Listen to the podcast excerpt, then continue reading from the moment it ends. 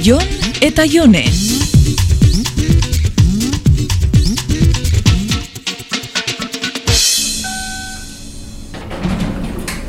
Geru arte bai, niko ikastolatik urtetzen danean esango detzat. E, agur bai. E, bizilaguna jatorra dirudit ez da? Bai, bueno, hilabete eskaz daroie etxe barruan. Ez ditut larregi ezautzen, baina alde derra dau, lehen bizizan atzuakin. Ta atzuarekin ze pasada ba. Ba, atzuekin normalian gertatzen dana. Tanatorioan amaitzen dutela dekorazio gisa, eh? Ez, zelako astua zaran, residentzia batera eruan da bela.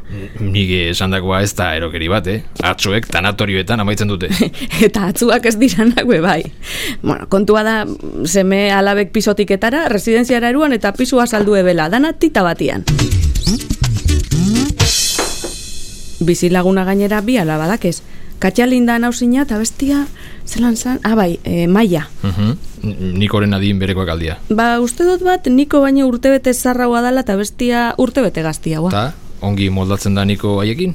Ba, ziran lotzatu egiten zan, baina oin tarteka etxeko ati jasabaltzen da, kanpuan soinuak entzuten ditxuanean. Oh, gisa isoa. Zego izasi da nesken gati borondotea galtzen. Ah, ez esan olakorik, umiak baino ez dirata. Jo, ja, umiak. Hala ere, buah, puto da galanta izan behar du, zuk aukeratu ez dituzun aurren gurasoekin egon behar horrek, ezta? Ba bai, ez dakizu ondo zen bat anormalekin tokau jatan. Bueno, zu ohituta zaude. Neri anormal esaten didazu behin da berriro. Ah, baina zuri modu kariñosuan esaten detzut. Ez, benetan, hori da txartuen daroia dan gauzetako bat. Oin askotan semiak aukeratzen dituala nere inguruan dabizenak ikastolan, igerilekuan. Etzea ba, zu asko egoten piztinan beste gurasoekin. ez diralako hurbiltzen ausartzen, nere inguruan beti tatuajes beteta dauan bizkar zain bat eukitzen dutelako. Ah, oain ulertzen du zeatik gonbidatzen nauzun beti zuregin igerilekura.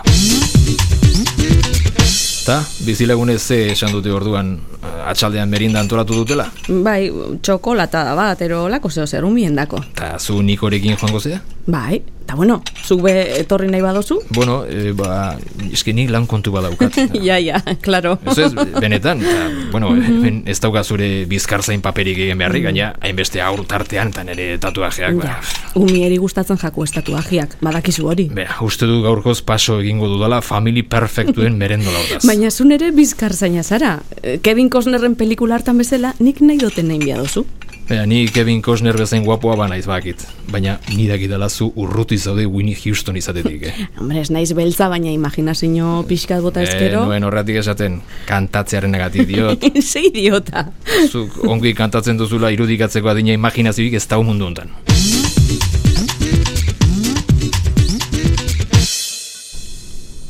Zer moduz Kajalin eta Maiaren meriendan? Ondo, primeran pasau dabe umiak, eta bizilagunak jatorrak dira. Posten naiz. Esan detzet, egunen batian, etxian afarixain geinkela, inbitauta zauz. Detalle bat, zure aldetik bizkar zaina inbitatzea. Entzun nau bizkar zain. And